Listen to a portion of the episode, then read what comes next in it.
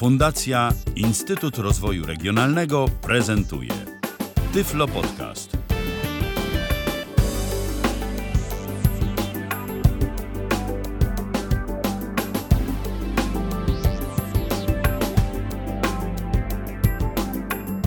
Dobry wieczór, witam serdecznie w kolejnym odcinku Tyflo Podcastu.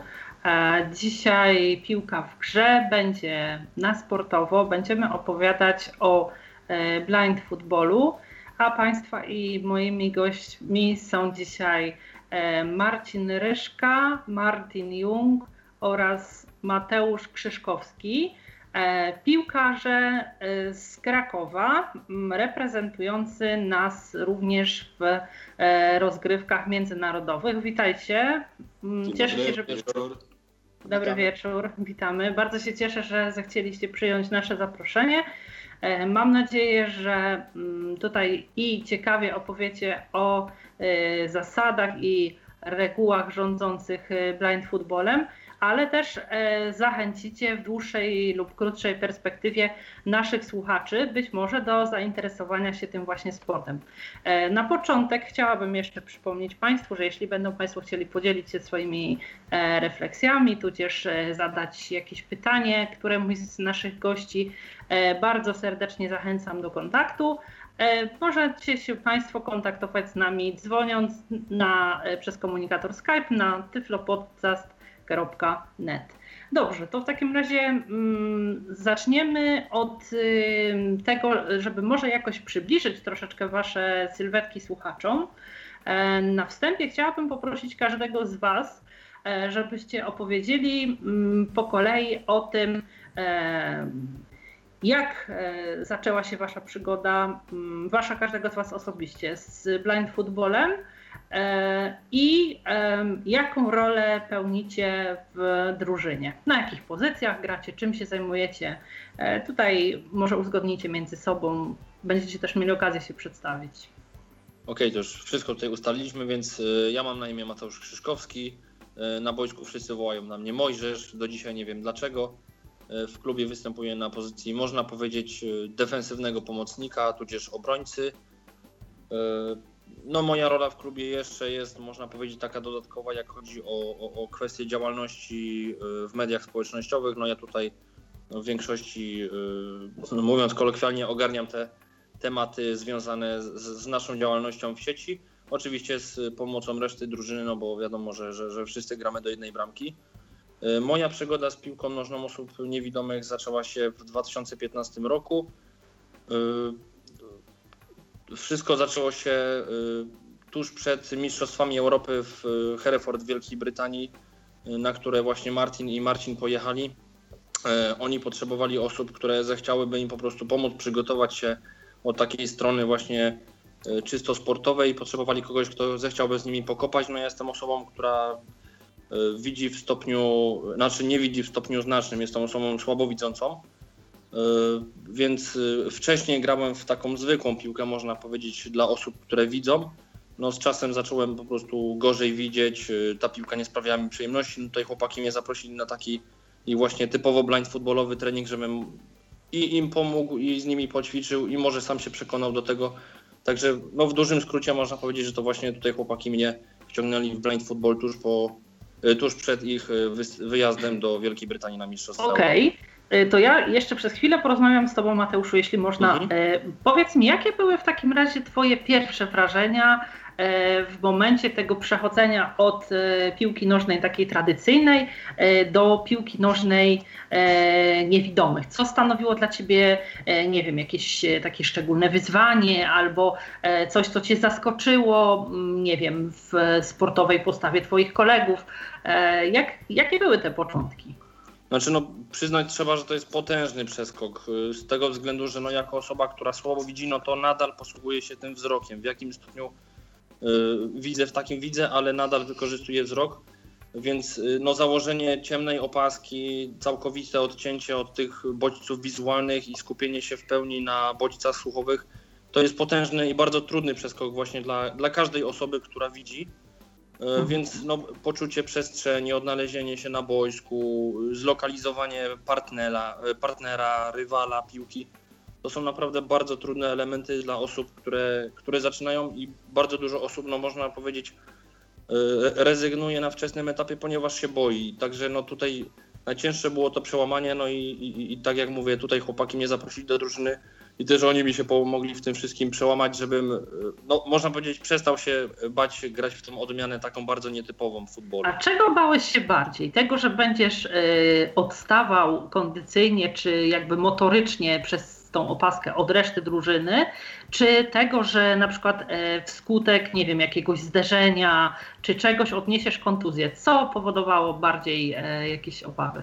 No zdecydowanie ten drugi aspekt. Jednak no, Mhm. nie, jest, nie jest y, dla każdego normalnego człowieka, można powiedzieć, y, normą, żeby wpadać na siebie tak bez ogródek i, i rozbijać sobie nosy, można powiedzieć. Także to był taki najcięższy element, żeby się też przełamać właśnie jak chodzi o taki kontakt y, stricte cielesny w walce o piłkę. Jasne. Bardzo Ci dziękuję. Poproszę. Tak? No to następna osoba. Ja nazywam Jasne. się Marcin Ryszka.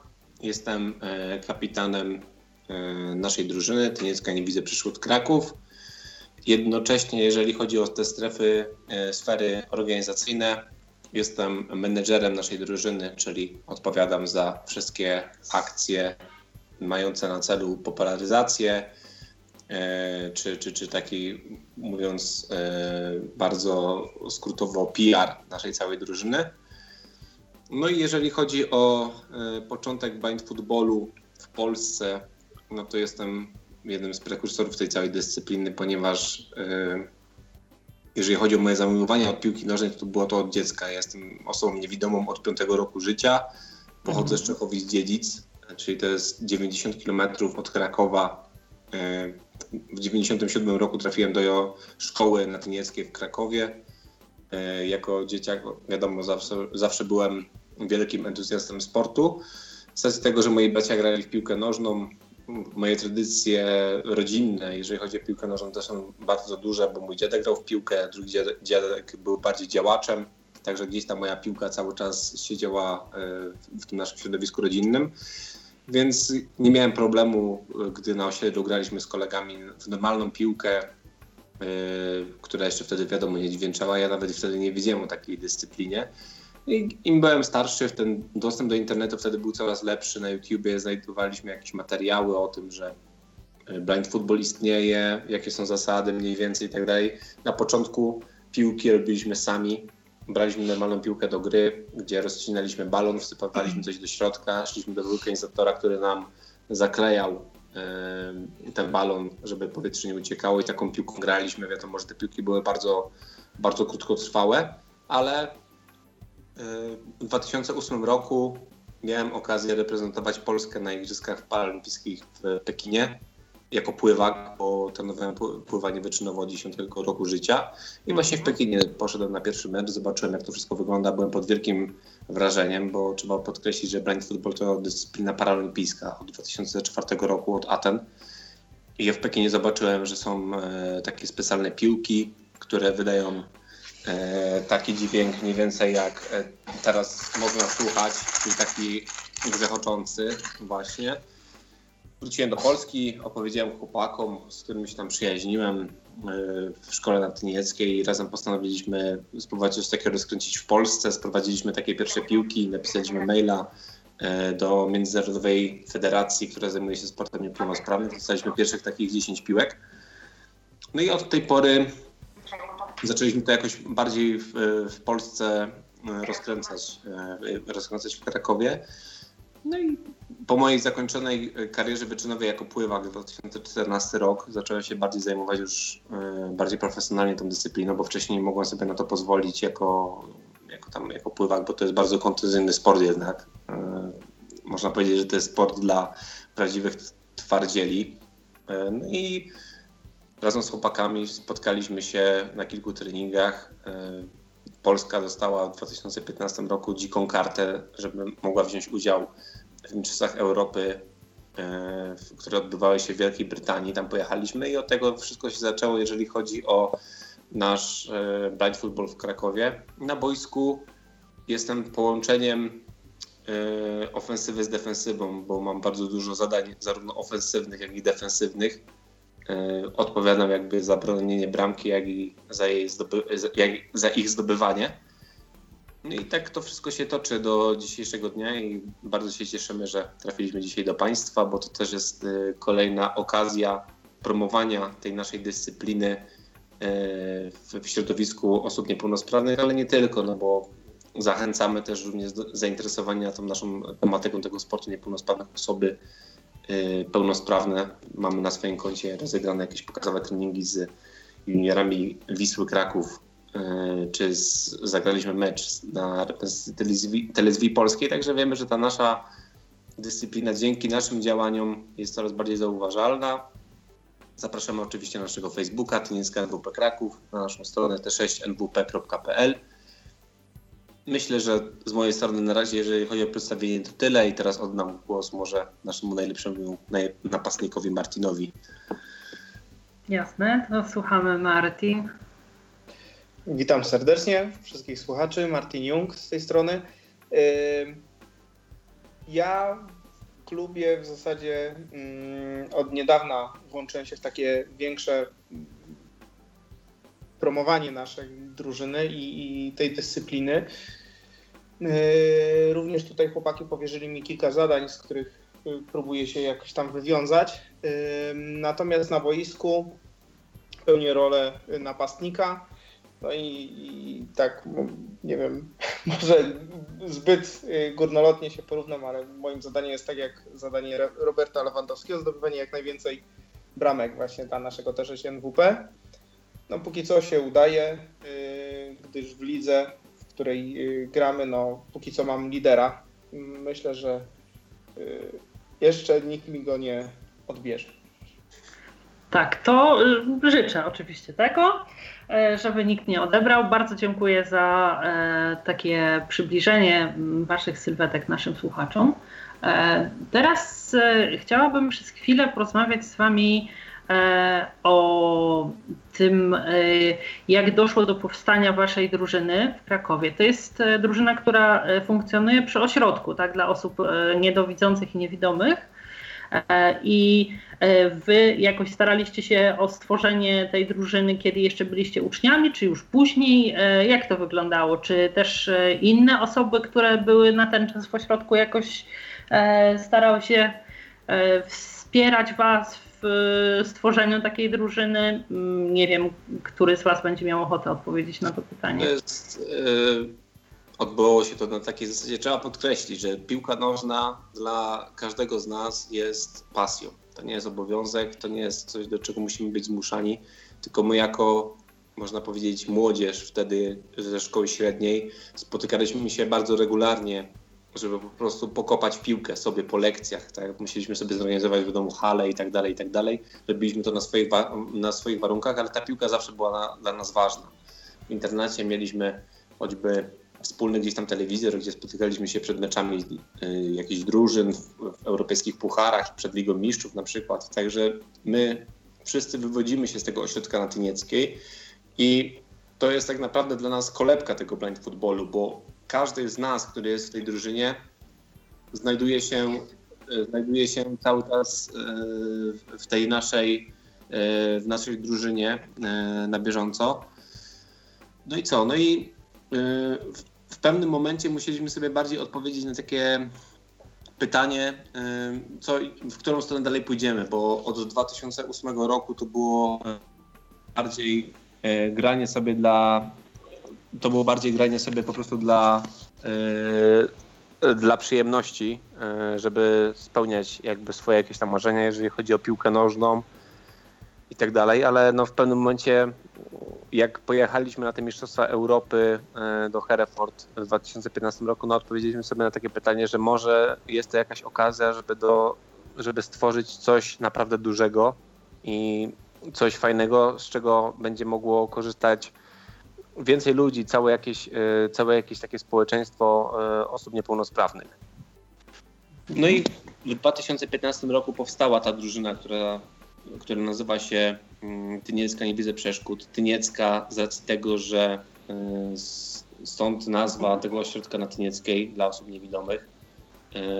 Nie widzę przeszkód, dlatego że mm, jakby bardziej już organem, który pełnił opiekę wtedy było właśnie Stowarzyszenie Nie Widzę Przeszkód. Wiadomo, że mieliśmy duże wsparcie z ośrodka natynieckiej, od strony dyrekcji, od, od strony osób, które prowadzą WF na tej tynieckiej. No i w 2015 roku powstała ta drużyna tak naprawdę znikąd. My na samym początku ćwiczyliśmy na sali gimnastycznej, która ma wymiary, nie wiem, może 10 na 10 metrów, a boisko nasze do blind footballu ma 40 na 20. Także to była tak naprawdę jedna czwarta, bo nawet i mniej e, trochę boiska. E, później... Ale od czegoś trzeba było zacząć, tak? Tak, dokładnie. Od czegoś trzeba było zacząć. No, pojawiły się te pierwsze piłki. Zaczęliśmy jeździć po raz... W Polsce są tylko dwie drużyny, więc nie byliśmy w stanie stworzyć ligi, tak jak to ma miejsce, miejsce czy w Niemczech, we Francji, mm -hmm. w mhm. Hiszpanii, w Wielkiej Brytanii, w Grecji, we Włoszech. Tylko jeździliśmy na turnieje organizowane przez te międzynarodowe drużyny. Mm -hmm. No, z racji. No, to jest tak, druga drużyna jest z Wrocławia, jeśli dobrze kojarzę, tak? Tak, druga drużyna jest mhm. z Wrocławia. No, wiadomo, że każdy z nas y, pracuje, ma swoje jakieś prywatne, prywatne życie, y, uczymy się na, na uczelniach, co po niektórzy jeszcze, czy ktoś jeszcze chodzi do szkoły. Także sami musieliśmy sobie zorganizować y, tak naprawdę wszystko, począwszy od sprzętu, od warunków treningowych. Trzeba, teraz może to jest fajny moment, żeby wytłumaczyć, blind football gramy y, po pięć osób. Bramkarz jest osobą widzącą. W, w polu gra czterech zawodników niewidomych. I co różni blind football od normalnej piłki, to to, że wzdłuż linii autowych, czyli wzdłuż linii bocznych są ustawione bandy, które, tak jak boisko, mają długość 40 metrów, wysokość 115 centymetrów. Mhm. I dzięki temu, że na przykład, nie wiem, zawodnik z prawej strony zagrywa do kolegi, który jest po lewej stronie, zagrywa do niego, piłka się odbija od bandy i dociera do kolegi, no to ta gra staje się płynna wtedy, tak? Bo mhm. gdyby nie było tych band, ta gra byłaby bardzo szarpana. Nie byłoby pewnie takiej, może aż takiej indywidualności. Zakup niestety takich band to jest na dzisiaj około 80 tysięcy złotych. No, my nie mieliśmy takich pieniędzy. E, zmobilizowaliśmy się razem, poruszyliśmy niebo i ziemię. Udało się nam uzbierać 15 tysięcy złotych z racji wsparcia z Urzędu Miasta, z Polskiego Związku Piłki Nożnej i uprzejmości prezesa Zbigniewa Bońka.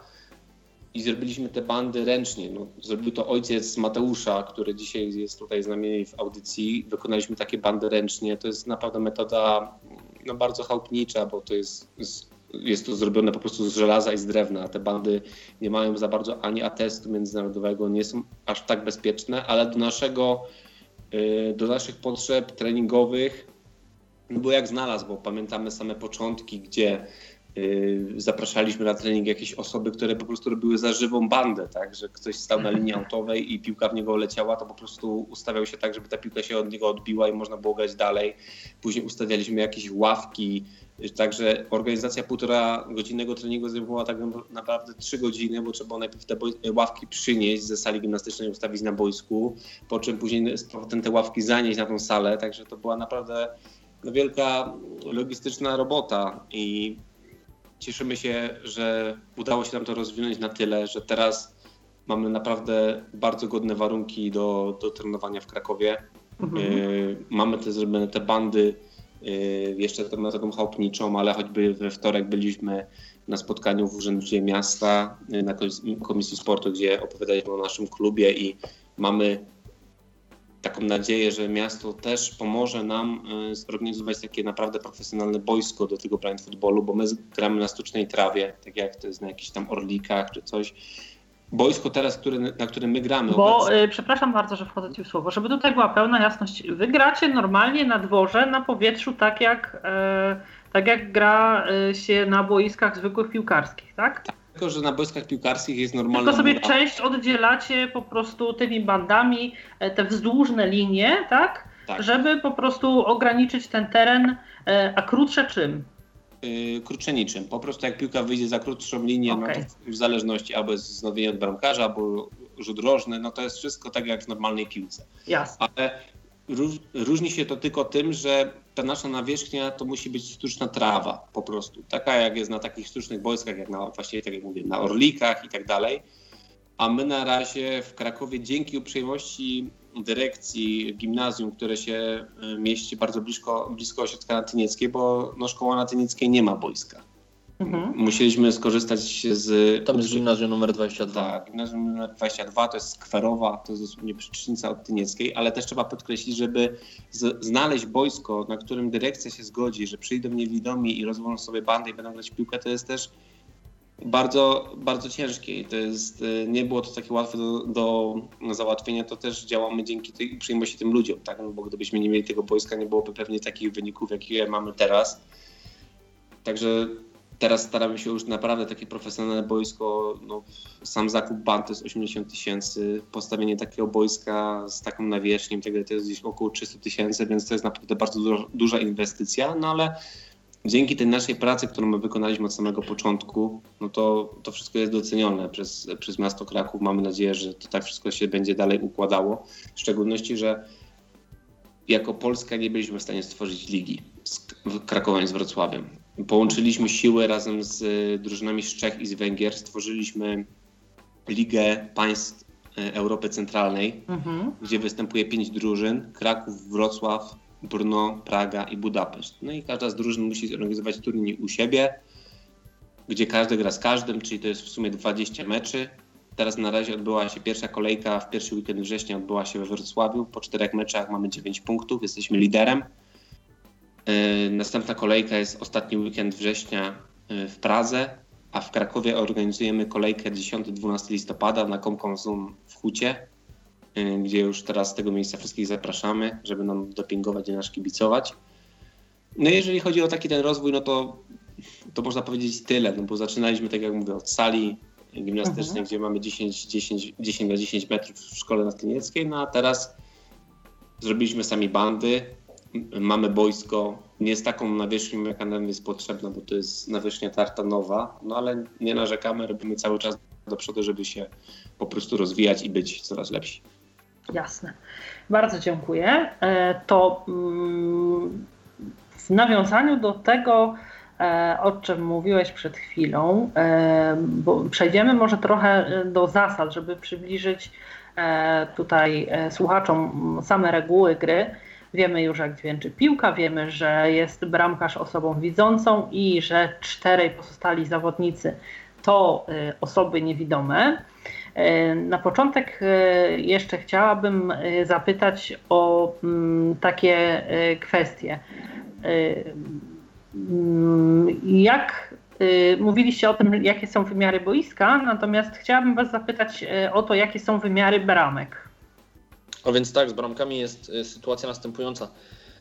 Jeszcze do zeszłego roku, można powiedzieć, były bramki o wymiarach takich standardowych jak do piłki ręcznej 2 na 3 metry w tym mhm. momencie y, IPSA, czyli Międzynarodowa Federacja, postanowiła y, trochę ten wymiar poszerzyć, żeby dać, można powiedzieć, kibicom y, do oglądania więcej trafień, czyli te bramki obecnie mają 3,66 m szerokości i 2,14 m wysokości. No i mogliśmy się przekonać o tym, że, że, że faktycznie tych kilkadziesiąt centymetrów różnicy pozwala na oglądanie zdecydowanie większej ilości goli z tego względu, że na minionych Mistrzostwach Europy w Berlinie y, w, w, w tym roku y, padała naprawdę olbrzymia liczba bramek. Tam padały wyniki nawet dwucyfrowe czasami, także Aha, czyli yy, w obecnym, przy obecnych założeniach to wyniki są takie bardziej hokejowe niż piłkarskie, tak? Tak, tak. Także my sami jesteśmy ciekawi, czy IPSA yy, zdecyduje się ponownie zmniejszyć rozmiar, żeby, żeby można powiedzieć nie były takie przesadne te wyniki, bo to naprawdę, chociaż mhm. tak jak czasami z chłopakami dyskutowaliśmy na ten temat, no to jeżeli mieliśmy finał Rosja-Hiszpania, Y, tam był wynik 1-1 i dopiero w karnych wyłoniono zwycięzcę, ale na przykład w meczu Turcja-Gruzja, jeżeli dobrze pamiętam, tam był chyba wynik 9 do 2. Także no to też pokazuje, jaki jest potężny przeskok. Inna sprawa, że Turcja to jest znowuż e, zespół stopu, który, który bronił, no niestety im się nie udało obronić tego tytułu mistrzostwa e, mistrzowskiego z, z, z poprzednich mistrzostw Europy. Aha. Jak chodzi o, nie wiem, kolejne zasady, których no Marcin tutaj napomknął y, o, o, o pewnych kwestiach, a celem uzupełnienia, y, jak chodzi o bramkę. Y, mhm. Na bramce stoi bramkarz, który jest osobą w pełni widzącą. Mhm. Jego rola, oprócz tego, że musi bronić, jest też osobą, która nawiguje, ale zanim, że tak powiem, przejdę dalej do osób, które nam podpowiadają w trakcie gry, to trzeba też podkreślić, że bramkarz wcale nie ma takiej łatwej roli, bo może się wydawać, że no, jeżeli jest ktoś, kto nie widzi i ma zdobyć bramkę przeciwko komuś, kto widzi i broni tej bramki, no to wiadomo, że bramkarz jest na zdecydowanie lepszej pozycji. Y, z tym, że bramkarz y, ma ograniczone pole, y, po którym może się poruszać. To pole jest o wymiarach 2 metry do przodu od linii bramkowej mhm. oraz po jednym metrze w bok od, od słupka. Jeżeli bramkarz wyjdzie poza tą linię, to jest rzut karny. Aha, rozumiem. Także tutaj też wcale nie jest łatwo dla bramkarza. Ale rozumiem, że generalnie łapie tak jak przy, y, przy mm, normalnych y, wszystkich y, rzutach, strzałach tak, w zwykłej piłce tak. nożnej. E, to ja mam teraz pytanie do Martina e, o taką kwestię. E, jak udało Ci się, bo tutaj pochwaliłeś się, że jesteś liderem strzelców, Y, prawidłowo oszacować perspektywę, żeby uderzać piłkę tak, żeby na przykład nie strzelać Panu Bogu w okno albo nie strzelać koło słupka. E, jak y, potrafisz to sobie nie widząc tej bramki zobrazować, że y, strzelając z konkretnego miejsca na boisku, bo przecież nie strzelasz zawsze z tego samego, tak? E, jesteś w stanie sobie tą odległość, tak? E, no bo przecież też nie masz nie wiadomo ile czasu na zastanawianie się i prowadzenie, nie wiem, jakichś obliczeń. Jaki znalazłeś na to sposób, żeby taką skutecznością móc się chwalić? Więc tutaj dalej musimy powrócić do zasad blind footballu i, i do wszystkich osób, które uczestniczą podczas gry, ponieważ tak jak chłopaki tutaj mówili, bramkarz jest osobą widzącą, czterech y, graczy w polu, którzy y, są niewidomi, a w zasadzie mają zasłonięte oczy, nawet jakby trochę widzieli, to y, mhm. mają zasłonięte oczy. Natomiast prócz tych zawodników jest jeszcze mm, dwóch wspomagaczy. Trener, który stoi za bandą i on mniej więcej operuje e, środkową e, strefą boiska, dlatego że boisko też jest podzielone na trzy strefy. Strefa bramkarza, w której bramkarz dyryguje z zawodnikami. Mhm. W momencie, kiedy piłka się znajduje w tej strefie, strefa środkowa, w której nawiguje trener, e, który jest właśnie za bandą, a za bramką przeciwnika jest naprowadzacz, który ogłasza, który komunikuje właśnie, gdzie, gdzie znajduje się bramka i również podpowiada, prawda, i na którym metrze jestem do linii końcowej, na y, w jakim miejscu się znajduje akurat y, boiska. Mamy tak właśnie mm, ustalone, że mniej więcej jeżeli jestem troszeczkę poza prawym słupkiem, no to wtedy jestem na prawej osi, jeżeli poza lewym słupkiem, to na lewej osi, jeżeli jestem na wprost bramki, to się u nas mówi, że jestem w osi. No i, i dzięki komunikatom, które właśnie wydaje yy, przewodnik stojący za bramką, no to jestem w stanie yy, nakierować się i również w tamtą stronę posłać piłkę, yy, no, żeby padła, żeby padła bramka. No, a to, że się udaje tak trafiać, no to już jest kwestia Y, oczywiście treningu, wyćwiczenia, y, ustawienia stopy i, i prawda, wszelkich trików, obrotów y, z piłką. No myślę, okay. że to jest, myślę, że to jest najważniejsze, że właśnie mm, trzeba tak się orientować, gdzie się znajduje, słuchać. To jest kwestia takiej ogólnej jakby motoryki, tak? Że... Tak, tak, tak. Hmm? Jasne. To jeszcze o jedną rzecz Cię zapytam, e, bo tutaj zafrapowały mnie rzuty rożne, bo w zwykłej piłce, kiedy jest rzut rożny, e, piłkarz, który z narożnika dośrodkowuje, no widzi, w której części tego pola karnego znajdują się jego współzawodnicy, a w której części gdzieś tam kręcą się obrońcy, którzy starają się ich gdzieś poza obręb tego światła bramki wypchnąć tak? E, jak to wygląda u Was i jak to wygląda u Ciebie z tym dośrodkowaniem? E, czy, no bo jakby tu rozumiem, że sytuacje, gdzie jest bramka, jest Ci ktoś w stanie, e, mówiąc kolokwialnie, zawołać, tak? Kto za nią stoi. Natomiast w momencie, kiedy właśnie są jakieś te rzuty rożne, koledzy z drużyny wołają do Ciebie, w którym miejscu się znajdują, jak to rozwiązaliście? Jak to wygląda?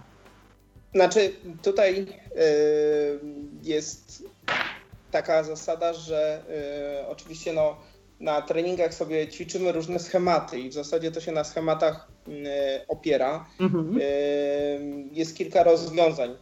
Dość często zawodnicy wykonują rzut rożny mm, w sposób taki, że dwóch zawodników stoi przy piłce, jeden dotyka tej piłki po to, żeby wiadomo, mogła dalej się toczyć gra bo to jest wzięte z normalnej zasad y, piłki nożnej, a mhm. drugi y, już musi takim łukiem po prostu się przedostać y, w kierunku bramki, prawda, schodząc z narożnika na środek jakby boiska, no, do, dokładnie w pole karne, żeby uderzyć. Oczywiście dośrodkowania u nas też są. Tutaj akurat specjalizuje się w tym bardzo dobrze Marcin, nasz mhm. kapitan który zazwyczaj y, podrzuca te piłki i one y, po prostu wpadają gdzieś tam w y, pole karne. No i już wtedy mamy określone hasła, prawda, że jeżeli gramy takim takim hasłem, jeżeli takie, takie hasło pada, no to wiemy, że akurat będzie powiedzmy ta wrzutka i wtedy my się staramy ustawić ja z Mojżeszem w polu karnym, no i, i, i, słuchamy, gdzie ta piłka spadnie, no i w tym momencie tam staramy się przemieścić, żeby ją przechwycić i uderzyć. No i tutaj jest ważne, żeby mm, komunikacja taka była, ponieważ my poruszając się po boisku musimy mówić słowo woj, jeżeli oczywiście piłki nie posiadamy, ponieważ piłka, jak już tutaj słyszeliście Państwo, grzechocze, więc zawodnik, który prowadzi piłkę, słowa woj nie musi mówić. Natomiast wszyscy ci, którzy nie mają y, piłki, a przemieszczają się po boisku, muszą mówić to słowo, więc y, w momencie, kiedy walczymy mm, o tą piłkę, no to mówimy to słowo Wojt, więc też gdzieś ten zawodnik, który wrzuca, też ma możliwość y, oszacowania, gdzie kto jest. Najważniejsze też przy tych rzutach rocznych jest to, że każdy z zawodników musi stać, znaczy w sumie nie stać, musi w dany, na dany sygnał nabiec na daną pozycję. No bo gdy mhm. staną po prostu w miejscu, no to są bardzo łatwo mm, pokryci tak, przez tak. wszystkich zawodników, no bo to jest bardzo statyczne. A to po prostu w naszej grze, jeżeli pada dane hasło X, każdy z zawodników musi wiedzieć, jak on się ma zachować. I do wyćwiczenia jest to, że jeżeli na treningach jest tam wykonanych setki dośrodkowań z tego rzutu różnego, to ta piłka ma spaść w dane miejsce po prostu. No bo wiadomo, te nasze boiska są takie same, więc y, boisko boiskowi jest równe, więc y, to jest na tej zasadzie. A wszystko chodzi o to właśnie o zachowanie zawodników, którzy wchodzą w tą daną strefę, gdzie ta piłka spada. Akurat te stałe fragmenty gry w naszym przypadku są bardzo dobrze wyćwiczone, bo zdobyliśmy kilka bramek teraz na tej kolejce we Wrocławiu właśnie po rozegranych e, stałych fragmentach gry. No co tylko to pokazuje, że te nasze e, treningi, które robimy są, są skuteczne. No i jak na razie yy, idzie to wszystko w dobrą stronę. Mamy nadzieję, że po kolejce w Pradze też będziemy tak zadowoleni. Jasne. Z całego serca Wam tego życzę. E, chciałam zapytać jeszcze o dwie kwestie związane e, z tymi regułami. E, kary są, mówiliście o tym wyjściu poza pole dopuszczalne dla bramkarza. Są rzuty karne. Za co jeszcze? No to może ja powiem. A więc tak jak Martin wspomniał o bardzo ważnej kwestii, czyli słowo woj. Jeżeli piłkarz nie powie słowa woj, to jest odgwizdany faul. Jeżeli ma, mamy w trakcie spotkania cztery y, razy y, odgwizdany faul, teraz jest cztery czy pięć? Pięć, ale w jednej połowie chyba. Tak, w, w jednej połowie. Y, mhm. To są wtedy faule drużynowe. I po czwartym, po piątym faulu, czyli po piątym razie, jeżeli zawodnik nie powie słowa woj, odgwizdywany jest rzut karny z ósmego metra, bo mamy dwa punkty, z którego wykonywane są rzuty karne. Jest szósty metr i ósmy metr. Z szóstego metra wykonywane są rzuty karne y, za faule popełnione właśnie w polu karnym, tudzież y, jeżeli... Winienia bramkarza. Mhm. Tak, jeżeli bramkarz wyjdzie. Y, a ósmy metr to są właśnie te, to jest punkt, z którego wykonywane są te tak zwane rzuty karne po faulach akumulowanych. No i jeżeli zawodnik, no to jest bardzo męska gra, to jest twarda gra, my też czasami się nie oszczędzamy, ktoś komuś podłoży nogę, ktoś komuś pociągnie z łokcia, mówiąc kolokwialnie, i za to też są odgwizdywane faule. E, my też otrzymujemy, znaczy nam się jeszcze nie zdarzyło na szczęście, e, ale my też otrzymujemy kary w postaci kartek, czy to żółtych, czy to czerwonych, które też nas eliminują z udziału w meczu, tudzież w kolejnych jakichś spotkaniach. Mhm. I to są tak. jakieś takie zachowania, no powiedzmy quasi przemocowe, Nadmierne tak? siły, mhm. tak. Jasne. Znaczy, no, Rozumiem. Znaczy, generalnie u nas jest y, faule tak jak w normalnej piłce, prawda? Jeżeli gdzieś tam specjalnie będę zawodnika odpychał, jeżeli specjalnie go kopnę, y, no to wtedy normalnie jest faul liczony. Plus do tego są właśnie faule, tak jak tu Mateusz wspomniał, za brak powiedzenia y, słowa woj, bądź również za nadmierne używanie tego słowa. E, to chciałam zapytać o taką kwestię, e, bo z tego co mówicie, jest to e, dyscyplina, która z jednej strony wymaga oczywiście kondycji, wymaga przygotowania fizycznego, ale jest też e, z tego, co mówicie, wynika bardzo zwerbalizowana, bo e, wy nawzajem komunikujecie e, chęć podbiegnięcia do piłki, mówiąc woj, naprowadza was bramkarz, naprowadza was trener, czy ten podpowiadacz w zależności od strefy boiska. I w momencie, kiedy mm, wszyscy w ten sposób właśnie się komunikują, jak to wygląda po pierwsze w kontekście E, gier z udziałem publiczności. I druga rzecz, czy po prostu e, te komunikaty wzajemnie się jakoś nie mieszają e, w momencie, kiedy dwie drużyny są na boisku i tyle osób naraz jakieś komunikaty werbalne wydaje. Znaczy ja mogę powiedzieć z perspektywy sportowca, który wcześniej miał do czynienia z inną dyscypliną, no to moim zdaniem nie ma cięższej dyscypliny dla trenowania, jeżeli chodzi o osoby niewidome czy słabowidzące niż blind football. Mhm. Bo tak jak tak jak już zostało powiedziane, y, jest y, kwestia kondycji, fizyczności, motoryki, bo to wszystko musi być na bardzo wysokim poziomie. Jest mhm. kwestia sama wyszkolenia stricte piłkarskiego, przyjęcie piłki, prowadzenie, strzał i tak dalej. A jeszcze musi być to wszystko poparte bardzo dużą umiejętnością odnalezienia się w terenie, że jeżeli zakręcę się kilka razy wokół własnej osi jestem cały czas w stanie stwierdzić, gdzie jest bramka przeciwnika, gdzie jest bramka Żebyś nie poleciał do własnej z piłką, Dokładnie. prawda? Też mhm. cała y, kwestia stresu, bo stres w tym też odgrywa bardzo dużą rolę, gdy na przykład za bardzo chcemy, często się nawet zdarza tak, że sami sobie odbieramy piłkę, bo ktoś myśli, że to jest przeciwnik, nie ma komunikacji i tak dalej, no to wtedy no też... No właśnie o to pytałam. Tak, się wam... tak. Zdarza się, zdarza, zdarza się to właśnie też znaczy im więcej gramy ze sobą, im więcej trenujemy, im więcej gramy meczy, no to teraz jesteśmy powiedzmy na tym takim już, już wyższym poziomie niż na samym początku, tak?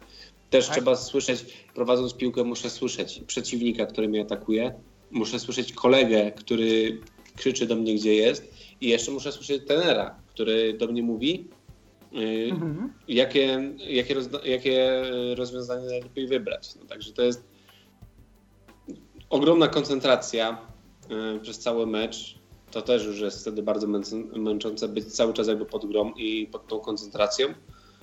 No także, tak jak mówię, to jest, no nie jest nic łatwego, no ale tak jak mówimy, no są osoby, w których to grają, spotykamy się z wieloma opiniami takimi naprawdę bardzo pozytywnymi, które osoby nas e, przyjechał na przykład na turniej do Wrocławia, przyjechał dziennikarz sportowy, który powiedział, że gdyby każdy piłkarz ekstraklasy dawał tyle serca w grę, co, co my zostawiamy na boisku, jeżeli chodzi o tą piłkę nożną niewidomych, to te awanse do Ligi Mistrzów i tak dalej, to by było formalnością, tak? Także to jest naprawdę sport i widowiskowy i, i, i bardzo wymagający, no ale z tego, z tego miejsca naprawdę wszystkich chętnych zapraszamy do e, podjęcia z nami treningów, bo jesteśmy w stanie zapewnić warunki osobom naprawdę z całej Polski, kto by chciał tylko spróbować sił E, w tym, w tym, w tym blind footballu, no bo to jeszcze nie mówi się o tej dyscyplinie aż tak, e, aż tak wiele, bo sami wiemy, no, osoba niewidoma może pójść po prostu na basen, nauczyć się pływać, yy, może trenować lekką atletykę i tak dalej, ale no, do tej piłki jest tak potrzebny wiele, yy, wielki yy, zasób, wielkie zaplecze, no, że to nie jest, jest takie, takie łatwe, jakby się mogło wydawać. Jasne. A Wiadomo, chciałam... Tak? wiadomo, że u nas to właśnie się odbywa tak jak w normalnej piłce na schematach, więc my musimy y, również się trzymać pewnych jakichś tak tam ustalonych wewnętrznie reguł, prawda, że Jasne. Y, jeżeli zaczynamy jakąś tam akcję, to przeważnie mamy jakieś takie mm, rozegranie, że przykładowo ja idę na lewą bandę, Marcin wtedy wie, że musi się znaleźć na prawej bandzie. Reszta zawodników mniej więcej wie, gdzie my powinniśmy w danej y, sytuacji y, być. Tutaj padło też pytanie o kibiców i kibice są naj, jak najbardziej mile widziani. Natomiast u nas trochę to jest kibicowanie tak jak w tenisie, że podczas samej gry, kiedy piłka jest w ruchu, no to raczej nie jest wskazane, żeby gdzieś dopingować, krzyczeć. W momencie, kiedy mm, piłka stanie, czy to jest y, jakiś stały fragment gry, czy, czy faul, czy cokolwiek się tam Czy stanie, gol, czy gol, to. Y, to w tym momencie jak najbardziej można znieść to asty. Jasne. E, czyli e, jakby nie ma problemu z tym, że macie dosyć trudną nazwę drużyny, bo e, nie śpiewają generalnie kibice, tak, także nie ma, nie ma z tym problemu. E, chciałam jeszcze zapytać... nie poddawaj się ukochaną, a nie poddawaj się ty nisko kochana, jak najbardziej mogą śpiewać. No tak, no tak. E, byle, by, byle nie przeszkadzali tak, w trakcie gry.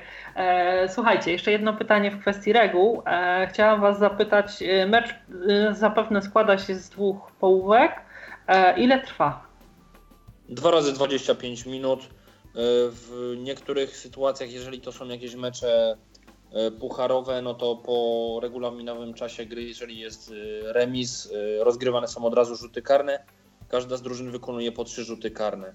Jeżeli w trakcie tej serii rzutów karnych podstawowej nie wyłoniony zostanie zwycięzca, no to mamy tak zwaną nagłą śmierć, czyli ten, który w kolejnej dodatkowej kolejce, w kolejnej nie serii... Nie strzeli albo obroni, już jest tak, po zawodach. odpada tudzież, tudzież zwycięża. Mhm, jasne. E, to chciałam teraz przez chwilę porozmawiać z Wami o mm, tym kontekście takim e, bardziej związanym z e, udziałem osób niewidomych. Mówiliście o tym, że jest piłka udźwiękowiona, że osoby, które cokolwiek widzą, grają z opaską. E, mówiliście też o tym, że często dochodzi do jakichś e, no, takich zderzeń, czy to z bandą, czy to z innymi zawodnikami. E, powiedzcie mi, czy macie jakieś dodatkowe akcesoria, typu jakieś ochraniacze, czy w ogóle z czego się składa cały strój gracza blind footballu? Znaczy, generalnie to mm, wygląda to tak, że opaska, czyli te gogle są y, obowiązkowe tak. Natomiast y, dodatkowo jeszcze obowiązkowymi ochraniaczami są y, ochraniacze na piszczela. Mhm. Y, natomiast my y, i większość drużyn dodatkowo ochraniamy głowę i to mamy taką opaskę na czoło. Chroni nas to przed zderzeniami mm, z zawodnikami przeciwnej drużyny bądź z jakimiś innymi mm, przeszkodami typu słupki aczkolwiek to rzadziej, natomiast głównie po prostu przed zderzeniami głowami z y, innymi graczami. Y, niektórzy jeszcze stosują ochraniacze na łokcie, no, pomaga to w momencie, kiedy się ktoś przewróci. No i też niektórzy mają y, ochraniacze na kolana, ponieważ jak biegnie się w taką bandę i kolanem gdzieś tam uderzy, no to też wiadomo, rzepka się obija, to jest dość bolesne. Natomiast często yy, zdarza się nam, że gramy jednak bez tych ochraniaczy na kolana, przynajmniej ja, dlatego że jakoś yy, wtedy się zdecydowanie lepiej prowadzi piłkę, nie jest się tak bardzo ograniczonym. No, a kwestia już później samego zderzenia z bandą, no to jest kwestia wyćwiczenia, wyliczenia sobie, nie wiem, po prostu ile to mniej więcej kroków, wyczucia, kiedy ta banda się zbliża. I, i przede wszystkim y, też dla bezpieczeństwa y, wyciągamy jedną rękę przed siebie, co też y, gdzieś y, pomaga przy zderzeniach z innymi zawodnikami, czy właśnie z bandą, prawda? Bo wtedy. Jasne, ręce generalnie nie są wam do niczego potrzebne, więc możecie się spokojnie zabezpieczać. Tak? No, tylko to jest taka czysta teoria. No, to teraz się tak fajnie mówi przy stole, jak siedzimy i nie ma emocji, a do tych zderzeń takich jest naprawdę bardzo dużo, tak? Że to czasem tak, nawet. Tak, dlatego o to pytałam. który właśnie. oddaje strzał, wraca nawet na własną połowę, tak? Żeby odbudować formację i tak dalej. I często dochodzi do zderzeń, że po prostu osoba wtedy nie wojuje, bo nie ma w sumie takiego przepisu, bo piłka jest poza grą i dochodzi do jakichś zderzeń. No ale to jest, jak mówię, to też y, nie ma, żeby też nie było takiego wyobrażenia, że tam się tylko leje krew cały mecz, bo, bo tak nie jest. Chociaż tak jest. Ale teraz dzięki tym wszystkim przepisom coraz lepszym, y, też wysoki poziom, poziom sędziowania, którzy y, dbają no, przede wszystkim o bezpieczeństwo zawodników, tak? Bo Tak. jeśli jest y, zawodnik, który po prostu nie wojuje i zawodnik, który po prostu nie wojuje i sprawia zagrożenie, jest od razu ukarany indywidualną karą, tak? Tego, sędziowie tego też naprawdę bardzo pilnują. No i co? No i no, ale tak jak mówię, no jest to mecz, jest to gra, y, która jest naprawdę dla prawdziwych twardzieli, ale powiedzmy w tym momencie, że to nie tylko dla mężczyzn, bo znamy ekipy, w której też występują kobiety. Na przykład y, w drużynie z Marburga, która była wiele lat mistrzem Niemiec, w tym sezonie zostali na drugim miejscu. Gra dziewczyna, która No to naprawdę gra. ra, radzi sobie świetnie. Dziewczyna z Belgii, z e, najlepszej drużyny z Belgii, też sobie świetnie poczynia.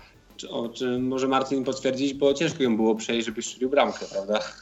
Dokładnie. Ona miała teraz możliwość debiutować właśnie jako pierwsza kobieta w blind footballu na Mistrzostwach Europy w Berlinie.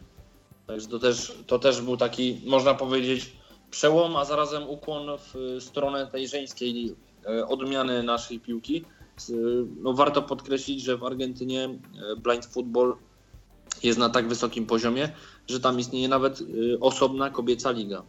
O, no tak, ale Argentyna z zamiłowania do futbolu w ogóle jest znana, więc może to też jest e, jakby podyktowane tym, tak, że to Tak, w pewnym sensie druga religia. Na przykład we Wrocławiu w drużynie na samym początku też treningi Tak, rozpoczynała tak. Ela Milczarek, którą stąd pozdrawiamy, może nas słucha. Także to nie tylko tak, że to w Europie, ale we Wrocławiu też były osoby, które próbowały, jeżeli chodzi o kobiety. No, my w Krakowie się jeszcze nie doczekaliśmy.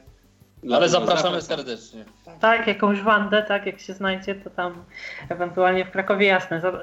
Y, Myślę, że zawsze warto spróbować. Przecież y, jeśli się okaże, że to jest ponad nasze siły, albo wydaje się to nam obarczone zbyt dużym stresem czy zbyt dużym ryzykiem, y, zawsze można y, zrezygnować, natomiast nie dowiemy się tego, jeśli nie spróbujemy. Tak? Znaczy w szczególności, że każda nowa osoba, która przychodzi do nas na trening, to też nie jest tak, że ona jest wrzucona od razu w tą największą łódzkę, tak, że do jakiejś gierki w ogóle, tylko takie, tacy zawodnicy są wprowadzani naprawdę powoli.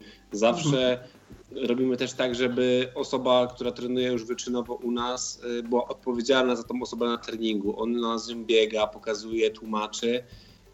Także to też wszystko robimy tak, żeby to się naprawdę odbyło też y, jakoś można to nazwać bezboleśnie i to też nie każdy musi być od razu mistrzem świata, tak? Nie każdy musi przyjść od razu i być Messim, Lewandowskim czy Cristiano Ronaldo, tylko to chodzi o to samo, żeby brzydko mówić, podnieść tyłek z kanapy sprzed telewizora i przyjść z nami pokopać. Tym bardziej, że każdy z nas kiedyś zaczynał.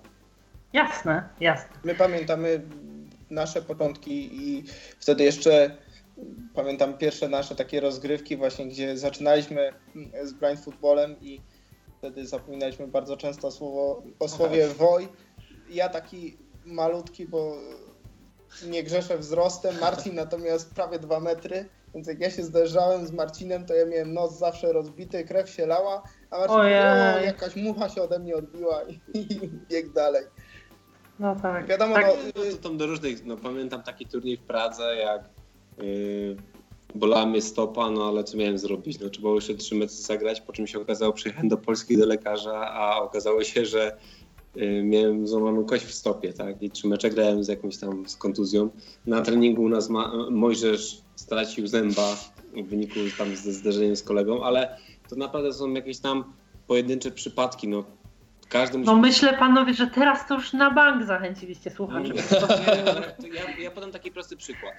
To jest też tak, że jak ktoś wchodzi do autobusu pełnego ludzi, tak? I jeżeli trzeba jechać w tym autobusie pełnym, pełnym ludzi, no to też ma się ten kontakt, tą po prostu no, tą taką fizyczność z innym człowiekiem, tak? I Mhm, wtedy człowiek tak. też ma jakąś taką trochę blokadę, blokadę psychiczną, Tak. prawda? Że, że musi kogoś tam dotknąć czy coś. A, a nieraz ym, u nas na boisku to ta fizyczność jest naprawdę na bardzo dużym poziomie, bo ci zawodnicy naprawdę no, często dochodzi do takiej sytuacji, że w ciało Ktoś się o kogoś ociera, tak? tak, i E, walczysz, po prostu z nim walczysz, tak? Ale to nieraz dochodzi do takiej sytuacji, że ja robię coś w kuchni, odwracam się i wpadam na moją dziewczynę i ja mówię od razu odruchowo woi. Albo jadę autobusem, wpada ktoś na mnie, a ja mówię woi. Bo to naprawdę to już jest silniejsze trochę od... My się od tak, my się tak z chłopakami gdzieś umawiamy na mieście i nie wiem, Tak. ja na przykład zobaczę Marcina z daleka, no to już krzyczę wo i wtedy ludzie się odwracają i nie wiedzą o co chodzi. Spotkały się dwa debile, nie wiadomo o co chodzi, tak? A y, ja wysiadam na przystanku, on słyszy, że ja stukam laską, to mówi woj. I wtedy wiadomo jest... y, W którą stronę ma iść i, i kto go woła, nie? To to też, to też y, właśnie warto tutaj wspomnieć, że tutaj są ważne właśnie te zasady, prawda? To mówienie słowa woj, y, gdzieś tam słuchanie zawodników, bo właśnie zazwyczaj takie zderzenia, jakieś utraty zębów czy y, jakieś tam rozbite nosy, to są w sytuacjach, kiedy właśnie mm, ktoś zapomni mówić słowo woj, y, ktoś nie zatrzyma się na gwizdek y, trenera, prawda? Bo tutaj właśnie jest ważne, żeby słuchać tego, co się wokół nas dzieje, a nie tworzyć sobie własne jakieś tam wizje. Bo kiedy zaczynamy coś tworzyć własnego, to właśnie się dzieją jakieś dziwne To, to chodzi o to, że czasem, historie. czasem jest tak, że tą własną dumę y, trzeba schować sobie trochę, troszkę do kieszeni, bo najważniejsza jest drużyna w danym momencie, tak? Nie jakieś tam gwiazdorstwo czy coś i nieraz sami jesteśmy tego nauczeni, że najlepsze, najlepsi zawodnicy świata nie szukają tego kontaktu fizycznego. Wtedy jest naprawdę bardzo ciężko coś zrobić, tak? Bo to wtedy łatwo jest zablokować kogoś czy coś, tylko to po prostu musi być szybka gra, uciekanie od tego woju przede wszystkim. Jak graliśmy na, na Argentyńczyków, to mówiliśmy sobie, że wejdziemy na nich fizycznie, tak? Będziemy przyklejać się do nich, żeby zostawić jak, jak najmniej miejsca. A te chłopaki po prostu nie wchodzili w kontakt fizyczny. Podawali szybko piłką takie no, stricte już piłkarskie umiejętności. Pokazały to, że jeżeli chodzi o te najlepsze mecze, najlepszych reprezentacji, to ta gra jest bardzo płynna i tam sędzia tak naprawdę ma bardzo mało do roboty, bo jak on tylko słyszy słowo woj, od razu podaje do kogoś i już nie wchodzi w tą taką, tą, taką fizyczną walkę. Ja pamiętam, jak weszliśmy na mecz z mistrzem Hiszpanii, e, czyli też to wiadomo, no, Hiszpania, e, techniczna gra i tak dalej, i tak dalej, ale goście przez pierwsze 15 minut nie wiedzieli, co się dzieje, bo weszli na nich Rottweilerzy z Krakowa, tak, i fizyczna walka, oni przyzwyczajeni do tego, że będą sobie tam kiwać i, i Hasać. i hasać w ogóle, a tu po prostu napotkali taki opór, także no, to tylko pokazuje, jaka to jest mniej więcej y, kultura gry, prawda? E, To dwa pytania mam jeszcze y, w tej kwestii, mm, bo mówicie tutaj z własnej perspektywy e, o mm, tym, jaką robotę wykonuje defensywny pomocnik, ofensywny pomocnik i napastnik. E, powiedzcie, co należy do zakresu obowiązków obrońcy, jak ta jego gra e, wygląda. I drugie pytanie, mm, skąd pozyskaliście trenera? Bo myślę, że w tak e, młodej stosunkowo dyscyplinie e, osób z doświadczeniem trenerskim e, też nie jest za wiele. A więc jak chodzi o pierwsze pytanie, no to obrońcy mają bardzo, bardzo trudne i bardzo wymagające pytanie. Zresztą takie e, zadanie, tak jak zresztą każdy na boisku. Jak chodzi o obrońców, no to tutaj my zawsze mamy taką, można powiedzieć, nomenklaturę, że operujemy 1, 2, 3, 4. 1 i 2 to są zawodnicy, którzy są ustawieni bardziej defensywnie. 3 Mhm. to jest ten właśnie łącznik między atakiem a obroną, a 4 to jest ten najbardziej wysunięty gracz. Więc e, jedynka i dwójka. E, z, inaczej, dwójka to jest gracz, który e, ma bronić, e, można powiedzieć, piłki jako pierwszy. Bo bardzo często zdarza się, że gracz, który jest tą trójką, czyli tym, który łączy atak z obroną, nie Mhm. zdąży wrócić do każdej piłki, więc e, gracz, który znajduje się na pozycji numer dwa, e, musi jako pierwszy przeciąć czy zablokować podanie. Jeżeli jednak jemu się to nie uda, no bo zdarzają się i takie sytuacje, Mhm. to naprawdę bardzo ważną i bardzo trudną rolę ma przed sobą ten gracz, który występuje na pozycji numer jeden, czyli ten Mhm. gracz, który znajduje się bezpośrednio przed e, przed bramkarzem. Bo jeżeli on nie przetnie tej piłki, jeżeli on nie skasuje ataku, to tak naprawdę e, napastnik rywala ma otwartą drogę do bramki. E, gracz, który znajduje się na pozycji numer jeden, ma też bardzo ważną funkcję, jak chodzi o kwestię odbudowy całej formacji, bo to on, można powiedzieć, jest najmniej mobilną postacią w całej drużynie który y, przeważnie porusza się tak na szóstym, ósmym, może maksymalnie metrze y, przed, własnym, przed własną bramką. I w momencie, kiedy na przykład gracze ofensywni wyruszają do przodu, jest strata, to y, on jest osobą, która sygnalizuje, w którą stronę mają wrócić. Czyli on tak jakby. Jest tą latarnią, tak? Tak, on jest, on jest mhm. fundamentem odbudowy. Rozumiem. A jak chodzi o kwestię drugą, czyli kwestię trenerską, no to tutaj w Polsce jest y, o tyle, y, nazwijmy to problem, że jest to jeszcze dyscyplina mało znana, mało rozwinięta. Mhm. Cały czas dążymy do jej pełnej profesjonalizacji. Więc tutaj można powiedzieć, że jak chodzi o kwestie trenerskie, cały czas mamy osoby, które się uczą. Uczą się tak samo jak i piłkarze, ponieważ, no tak jak mówię, to jest cały czas młoda, rozwijająca się w naszym kraju dyscyplina i osoby, które mają jakiekolwiek doświadczenie z piłką, już są, można powiedzieć, bardzo mile widziane na naszych treningach. No tak, ale to na przykład waszym trenerem obecnie jest e, obecnie wiem, piłkarz, jest... Trener piłkarski. E, naszym trenerem obecnym jest nasz bardzo dobry przyjaciel Piotr Niestrzyński, którego bardzo serdecznie pozdrawiamy. Bo nas słucha i cały czas nam to tak. wysyła wiadomości na Messengerze. Tak, Aha, cały czas pozdrawiamy w takim razie. Plumka chciał być z nami, ale niestety coś mu bardzo pilnego wypadło. E, przykład Piotrka to jest też, można powiedzieć, nasz kolega z, z, z, drużyny, który też ma za sobą doświadczenie właśnie na grze na tej jedynce. E, na chwilę obecną on jest naszym trenerem i no musimy przyznać szczerze, nie mamy prawa na co narzekać. Czy naprawdę jest taka, że mieliśmy osobę, Nie no, wiadomo, słucha, no. także rzeczywiście nie możecie no, powiedzieć, że macie na co narzekać. Na naszą szczerość, więc gdyby było słabo, to byśmy mu to powiedzieli. tak. Za, za każde pompowanie, za każde jakieś tam złe zagranie to...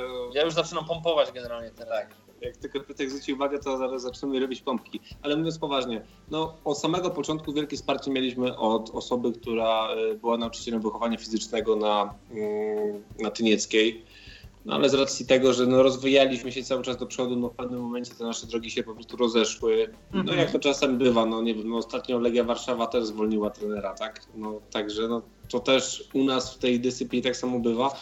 My opieramy się na własnym doświadczeniu. To też nie jest tak, że y, dużo czytamy różnych materiałów, oglądamy wiele filmików, korzystamy z podpowiedzi osób z zagranicy, którzy też zajmują się tym blind footballem. Także Piotrek jest teraz naszym trenerem, ale to tak naprawdę ten sztab ludzi cały czas poszukujemy i to też y, byliśmy na przykład ostatnio w, w rozmowach E, z trenerem, który już miał objąć naszą drużynę, ale dostał nagle jednak propozycję z trenowania trzeciej ligi osób pełnosprawnych, tak? No to wiadomo, że no nie byliśmy fizycznie w stanie go zatrzymać u nas, tak? No bo to, no wiadomo, no, no każdy za, za jakąś tam e, pracę oczekuje jakiegoś tam wynagrodzenia, no to jest normalne, tak? To, to, to, tak to wszystko wygląda, ale to nie zmienia faktu, że ostatnio fajny przykład. Przyszedł do nas chłopak, który był kiedyś z pół roku temu jako obserwator na treningu, a teraz przyszedł y, spróbować już swoich sił i powiedział, no, że sam jest pod wrażeniem tych, tych zajęć, tak, i ćwiczeń, które wykonujemy i tak dalej. No,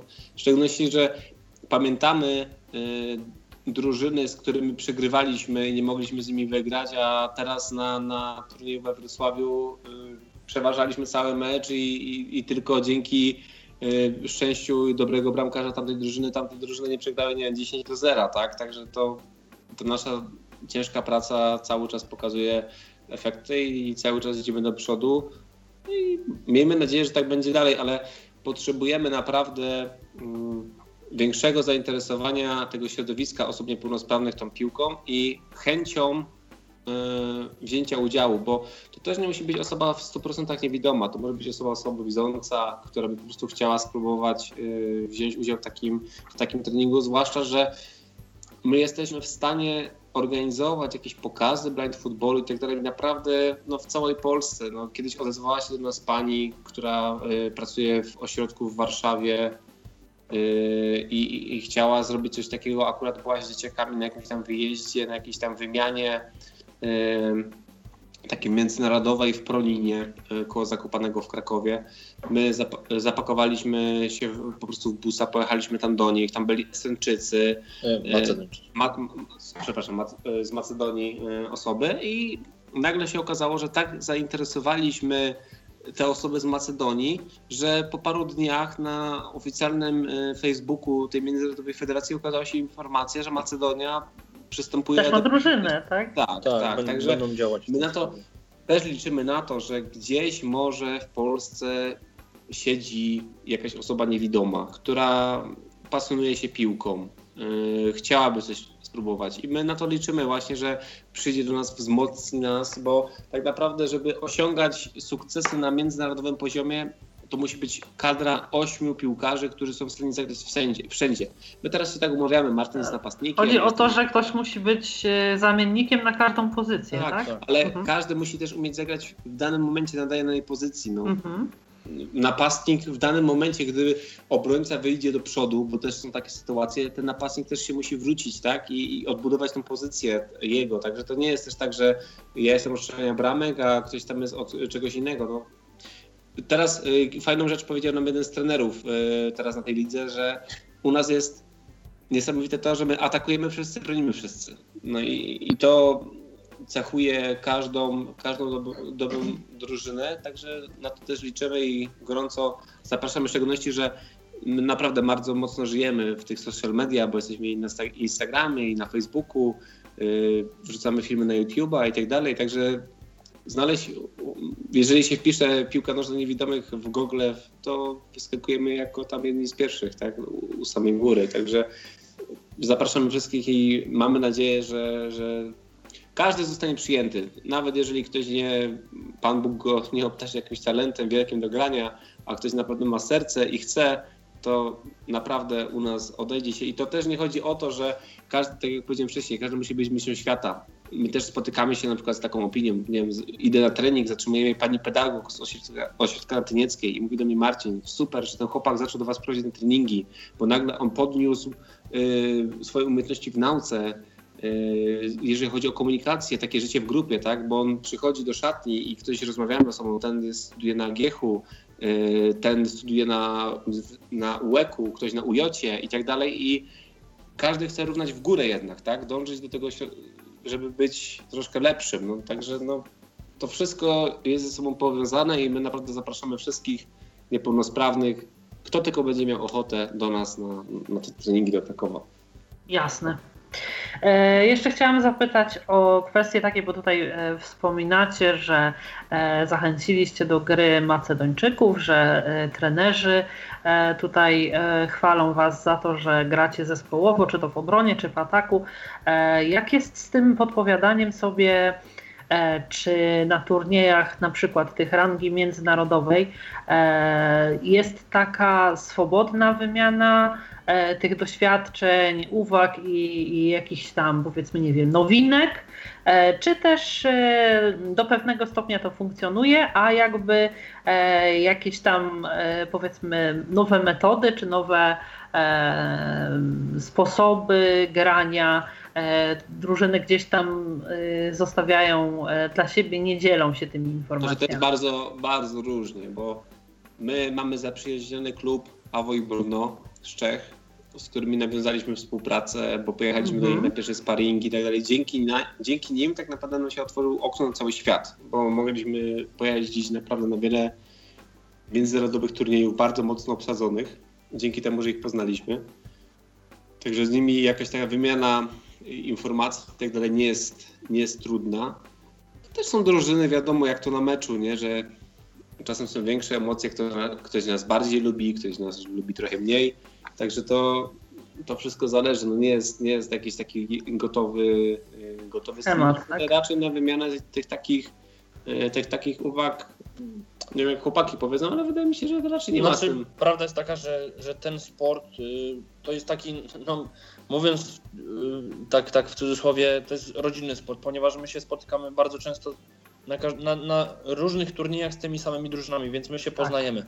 Ale jak chodzi tutaj o takie, no odpowiedź na Pani pytanie, jak chodzi o kwestie y, takich, nie wiem, uwag, jak chodzi o gry i tak dalej, no to my bardzo często właśnie śledzimy na bieżąco i przypuszczam, że inne drużyny, które chcą cały czas piąć się w górę, robią to samo. Y, śledzimy na bieżąco materiały, które są udostępniane przez inne drużyny w internecie, jak chodzi o ich treningi, jak chodzi o mecze. Także no tutaj przykład Piotrka, który przed turniejami potrafi siedzieć od 8 rano do 3 w nocy i oglądać mecz po meczu tylko po to, żeby zobaczyć, że na przykład tutaj gościu w Niemczech z numerem 6 robi cały czas to i to i on nas na to uczula, także my też później jeździmy na, na te mecze e, przygotowani. Doskonale przygotowani mentalnie, tak? Tak, i mentalnie, i bardzo, i bardzo taktycznie. Także no tutaj, jeżeli my chcemy się piąć górę, to jest tak jak ze zwykłym futbolem. My musimy cały czas być na bieżąco i kontrolować to, co robią nasi rywale, a jednocześnie przyjaciele z, z, z tego właśnie środowiska blind futbolowego. Okej, okay, to teraz e, porozmawiajmy chwilę o rozgrywkach, bo mówicie e, tutaj turniej taki, tam w Brnie zaprzyjaźniona drużyna, żebyśmy sobie to troszeczkę uporządkowali. E, gracie, tak jak wspomnieliście wcześniej, w tej lidze Europy Centralnej z uwagi na brak możliwości stworzenia ligi tutaj w Polsce. I rozumiem, że wewnątrz tej ligi są, e, tak jak mówiliście, miejscowe, przepraszam, e, miejscowe turnieje organizowane przez każdą z drużyn u siebie. Natomiast jakiej rangi jeszcze rozgrywki są organizowane? Czy to są takie mm, turnieje, powiedzmy, nie wiem, sparingowe, też wchodzą w grę? Czy to są Mistrzostwa Europy, czy Mistrzostwa Świata? Gdybyście mogli troszeczkę o tych schematach rozgrywek opowiedzieć. Znaczy, generalnie to wygląda tak, że mm, jest mnóstwo turniejów organizowanych niezależnie i one różne tam tytuły mają, ale między innymi... Żaden ktoś robi Puchar Saksonii, y, mhm. Puchar czegoś tam, tak? Puchar y, nie, Krakowa, Puchar Paryża i tak dalej, nie? To są takie niezależne turnieje. I zazwyczaj to są Aha. rozgrywki międzynarodowe, prawda? Y, tak jak y, takiej rangi dość, dość wysokiej, ponieważ i właśnie ta międzynarodowa y, federacja zrzeszająca sporty osób niepełnosprawnych IPSA w Brnie jest taki turniej organizowany, w którym już drugi raz braliśmy udział.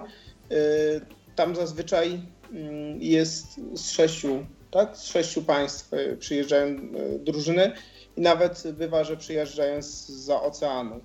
Z Kolumbii na przykład była drużyna, tak?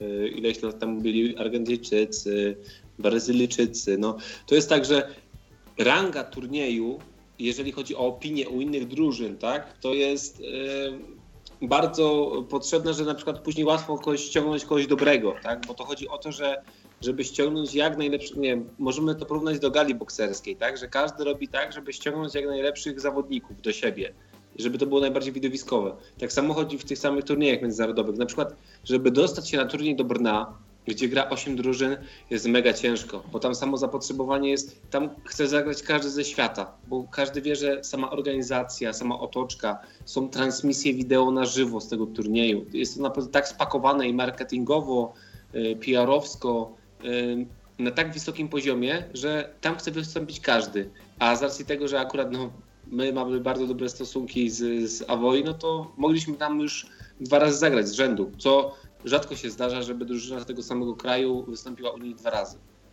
Aha, a i to oni sami jako gospodarz decydują, nie ma jakiejś tak, eliminacji, tak, kwalifikacji? Oni, mhm. decydują. My dążymy do tego, ta y, organizacja tego e, listopadowego turnieju w Krakowie jest jakby taką dużą próbą generalną przed y, 19 tygodniem osób niepełnosprawnych, które się odbędzie w 2018 roku w Krakowie. Co roku jest organizowany taki tydzień, gdzie rozbywa, odbywają się różne eventy i my jako Blind Football chcemy zrobić taki turniej trochę na wzór właśnie Avoi, e, gdzie możemy zaprosić jakieś tam drużyny z zagranicy i tak dalej, mm, żeby, to też jest reklama dla Blind Footballu, dla Krakowa i tak dalej, i tak dalej, no i to jest coś, czym chcemy, y, co chcemy się kierować, ale żeby to też tak trochę słuchaczom uświadomić, też są rozgrywane cyklicznie Mistrzostwa Europy i Mistrzostwa mhm. Świata. Jeżeli chodzi o Mistrzostwa Europy, dwie najlepsze drużyny Mistrzostw Europy mają od razu, od razu automatyczny awans na, na Igrzyska Paralimpijskie. wiadomo, Mistrzostwa Europy odbywają się co dwa lata. Mhm. Igrzyska co cztery, także no, to tak się właśnie yy, fajnie To jest dwóch zazębia. lat, teraz jedna i druga po prostu jadą, zwycięzcy. Tak, dokładnie. Żeby pojechać na Mistrzostwa Świata też chyba trzeba być w W pierwszej piątce w Europie. w pierwszej piątce w Europie i wtedy się jedzie na, na Mistrzostwa Świata, tak? E, Teraz będą w Hiszpanii w przyszłym roku. w Madrycie, dokładnie. Chyba rzecz. Rozumiem, że się wybierasz. Ho, Nie, nie, bo to też jest paradoks jest teraz taki, że my wystąpiliśmy w 2015 euro, y, roku na Euro w Anglii, ale teraz w 2017 roku nas Berlinie zabrakło, no z racji tego, że no to już trzeba trochę iść dalej w politykę, bo jeżeli chodzi o blind football, podlegamy pod dany związek sportowy, y, który powiedzmy nie do końca może wspiera aż tak tą dyscyplinę, jak powinien. E, My no, trochę świadomie z jednej strony, można powiedzieć, zdecydowaliśmy się na zrezygnowanie, żeby stanąć na głowie, żeby na tych Mistrzostwach Europy wystąpić. Bo żeby wystąpić na Mistrzostwach Europy, które się odbyły w lipcu w e, Niemczech, musieliśmy wystąpić na takim turnieju eliminacyjnym tak zwanej drugiej dywizji. I tam musielibyśmy zająć dwa pierwsze miejsca, żeby pojechać na te e, Mistrzostwa Europy Centralne Mhm. pierwszej dywizji.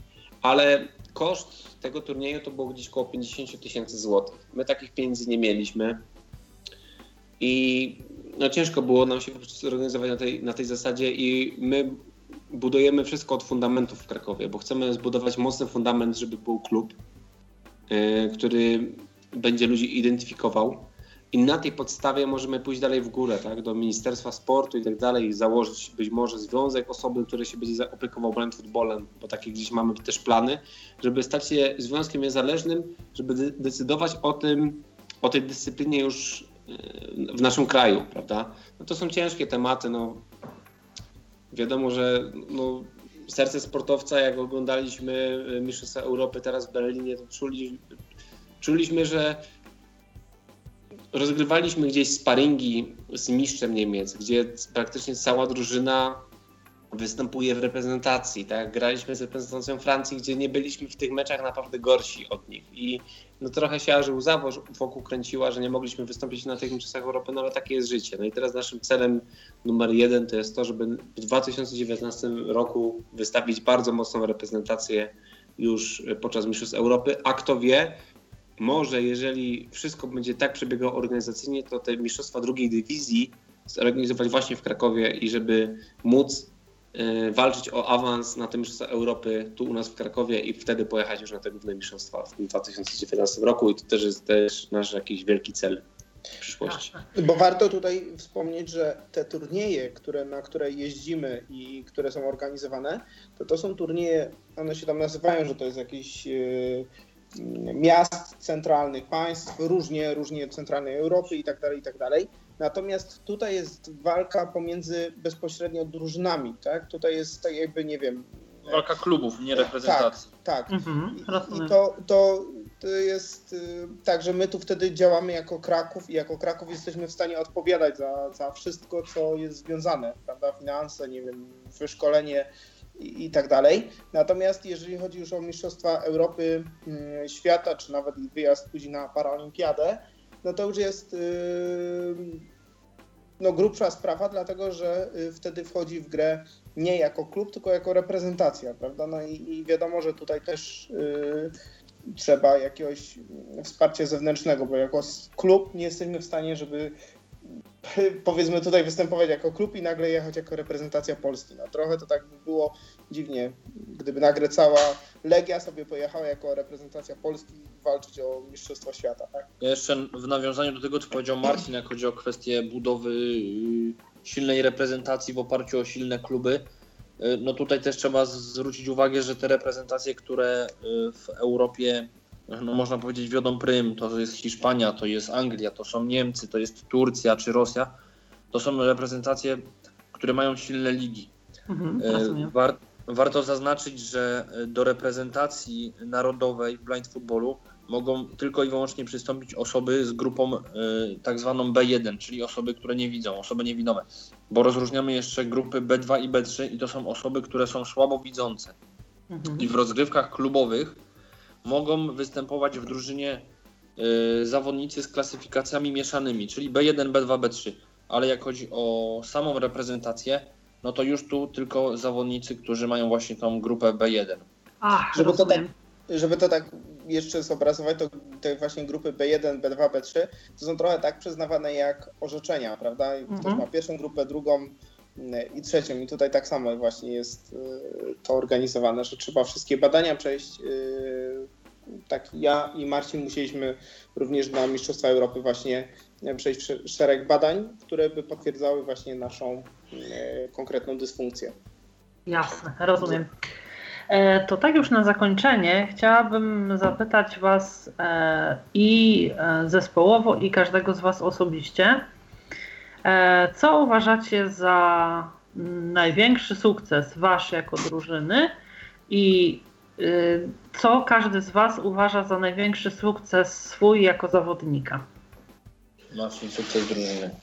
Ja uważam, że największy sukces drużyny to jest to, że teraz E, przystąpiliśmy do tej kolejki, gdzie z drużynami, z którymi przygrywaliśmy, jesteśmy w stanie e, być teraz liderem. To jest po czterech meczach. Też jako kapitan cały czas studzę głowy i tłumaczę, że żeby się nie zachłysnąć tym sukcesem, bo przed nami jeszcze 16 meczy, ale uważam, że to jest za największy sukces.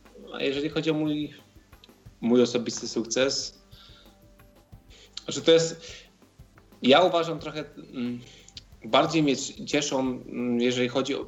Jest, jestem na boisku, robię coś dla drużyny. E, podaję, zdobywam bramki i tak dalej, i tak dalej. E, ale mm, bardziej mnie cieszy to, że ta nasza praca, którą wykonujemy poza, poza boiskiem, nie? czyli te wszystkie rzeczy organizacyjne, marketingowe, e, charytatywne, bo to też się włączamy, to, to uważam za sukces, że jesteśmy w stanie y, też jakby budować wizerunek osób niepełnosprawnych w społeczeństwie, co ja uważam za ogromny problem, ale to moglibyśmy nagrać inną audycję, inną audycję na ten temat. No i, i w sumie tyle. No mam nadzieję, że będziemy cały czas ten nasz sukces y, w lidze utrzymać, a zwycięstwo w tej lidze międzynarodowej to naprawdę byłoby coś, czego sobie chłopakom i wszystkim życzę. Jasne. Ja myślę, że mm, tak jak Marcin właśnie, że największym sukcesem naszej drużyny jest to, że y, właśnie możemy wspólną pracą, wspólnymi siłami y, docierać tam, gdzie docieramy, uczestniczyć w turniejach, w których uczestniczymy. Y, każdy turniej to jest nowe wyzwanie, każdy turniej to nowe doświadczenie i Y, myślę, że mm, właśnie to jest naszym takim największym sukcesem, że jednak y, my możemy jechać na turniej, możemy pograć z najlepszymi mm, w Europie czy też i na świecie również. Y, I to jest takim mm, też i dla mnie osobiście największym sukcesem, że właśnie nie, nie siedzę sobie w domu i, i tylko biadole, jak to mi w życiu jest źle, tylko po prostu również mogę razem z chłopakami tutaj robić coś dla siebie dobrego, jak i, i dla innych kolegów. Jak chodzi o mnie, to wydaje mi się, że naszym takim największym drużynowym sukcesem jest to, no to będę oczywiście nawiązywał też do tego, co chłopaki powiedzieli, jest to, że my zaczynaliśmy jeszcze jakiś czas temu, no można powiedzieć kolokwialnie z niczym, tak. Mieliśmy swoje wzloty, swoje upadki, było ciężko, a mimo to jesteśmy cały czas razem i jesteśmy taką naprawdę fajną grupą y, zgranych ze sobą ludzi, która utrzymuje kontakt ze sobą nie tylko w trakcie treningu, nie tylko w trakcie meczu, mhm. ale każdy z nas ma ze sobą y, bardzo duży i częsty kontakt właśnie y, pozabojskowy. A jak chodzi o mój, można powiedzieć, osobisty sukces, to bardzo cieszę się z tego, że po zderzeniu i kiedy zaczyna mi się kiwać ząb, to potrafię go wypluć i grać dalej i się tym nie przejmować. Super. E, cóż, bardzo serdecznie Wam dziękuję i za przyjęcie zaproszenia i e, tutaj za mm, taką bardzo ciekawą opowieść. Mimo tych kiwających się zębów myślę, że jednak e, można zachęcić słuchaczy. Wydaje mi się, że tutaj mm, sam duch też, który u Was jest niewątpliwie w drużynie, będzie dla, dla kogoś zachętą, bo można oczywiście mówić o tym, że ktoś zacznie uprawiać sport, postawi na aktywność fizyczną, ale też ważną kwestią jest to, że E, zyska być może kolegów, być może przyjaciół, co przecież też w życiu jest ważne, w tym życiu e, sportowym i osobistym także. Ja korzystając teraz z okazji, e, tak, tak. wykorzystam z tego, że jesteśmy na żywo, więc powiem coś takiego, że takie audycje to jest naprawdę bardzo fajny pomysł i rzucam taki temat na gorąco, a wiem, że jak pójdzie to na żywo, to to nie umrze śmiercią naturalną. 10-12 listopada robimy turniej w Krakowie. I czemu nie zrobić takiej relacji na żywo, przynajmniej z tych naszych meczów? A może ktoś, który nas teraz słucha, nie, jest, nie czuje się na tyle dobrze, żeby kopnąć w piłkę, bo ktoś może po prostu nie lubić wysiłku, ale na przykład, żeby zabawić się w rolę komentatora, być takim, nie wiem, Tomaszem Zimochem, takim Mateuszem Borkiem tego naszego blind footballu, to też by na pewno przybliżyło bardzo, a my ze strony klubu zrobimy wszystko, żeby też takie organizacyjnie można było fajnie, e, fajnie zrobić i może to jest jakiś pomysł kolejny, żeby zorganizować, e, jakby zrobić kolejny krok do przodu w tej, w tej organizacji. No to myślę, że tylu chętnych się zgłosi, że trzeba będzie przeprowadzić całe tutaj eliminację e, odnośnie tego, myślę, co ewentualnie miałby być. Zrobimy, wszystko będzie ok. Myślę, że kolega Marcin spokojnie wyrekrutuje. Jak powiemy, że za darmo, to się wszyscy jednak nie będą zgłaszać. To znaczy, z tego co ja kojarzę, nawet, y, przepraszam, tutaj na antenie Tyflo Podcastu kiedyś y, ktoś próbował e, taką Europy, relację tak? prowadzić. Mhm. Tak, tak, był mecz. Tak trochę odbiegnę właśnie teraz od komentarza, ale jeszcze takim atutem dla mm, ludzi, którzy przyszliby z nami trenować, myślę, że też co po, niektó- co po niektórych może zachęcić, że mimo wszystko my jednak mm, jeździmy po y, Europie, bo i do Czech jedziemy, i we Francji byliśmy, w Niemczech. Pamiętamy, jak byliśmy, pojechaliśmy sobie w kwietniu na mecz do Francji, gdzie w Polsce było minus parę stopni, śnieg leżał, a my sobie wysyłaliśmy do rodzinki zdjęcia z plaży i z oceanu, tak? tak. Także myślę, że też to, co by niektórych może zachęcić, że jednak można również i zwiedzić, yy, prawda? Kawałek świata przy okazji, prawda? Kawałek świata przy okazji. Jasne. Jeszcze raz bardzo serdecznie e, Wam dziękuję. Państwa i moimi gośćmi byli dzisiaj trzej przyjaciele z boiska. E, Mateusz Krzyszkowski, Martin Jung i e, pan kapitan Marcin Ryszka. Dziękujemy bardzo. Dziękujemy. Dziękujemy. Dziękujemy. Bardzo Wam dziękuję za przemiłą atmosferę w trakcie audycji. Mam nadzieję, że jeszcze będziemy mieli przyjemność kiedyś się spotkać. E, państwu w imieniu swoim i realizującego nas dzisiaj Michała Dziwisza bardzo serdecznie dziękuję za uwagę i zapraszam do wysłuchania kolejnych audycji. Kłaniam się nisko. Ala Witek, do usłyszenia. My się żegnamy. Był Tyflo Podcast. Pierwszy polski podcast dla niewidomych i słabowidzących. Program współfinansowany ze środków Państwowego Funduszu Rehabilitacji Osób Niepełnosprawnych.